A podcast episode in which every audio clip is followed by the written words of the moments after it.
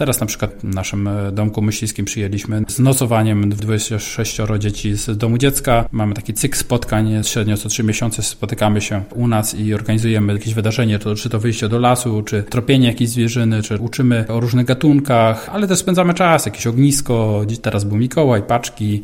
wspólne śpiewanie kolęd, wieczorne wyjście i korzystanie z urządzeń takich jak termowizja, noktowizja, żeby zobaczyć różną zwierzynę.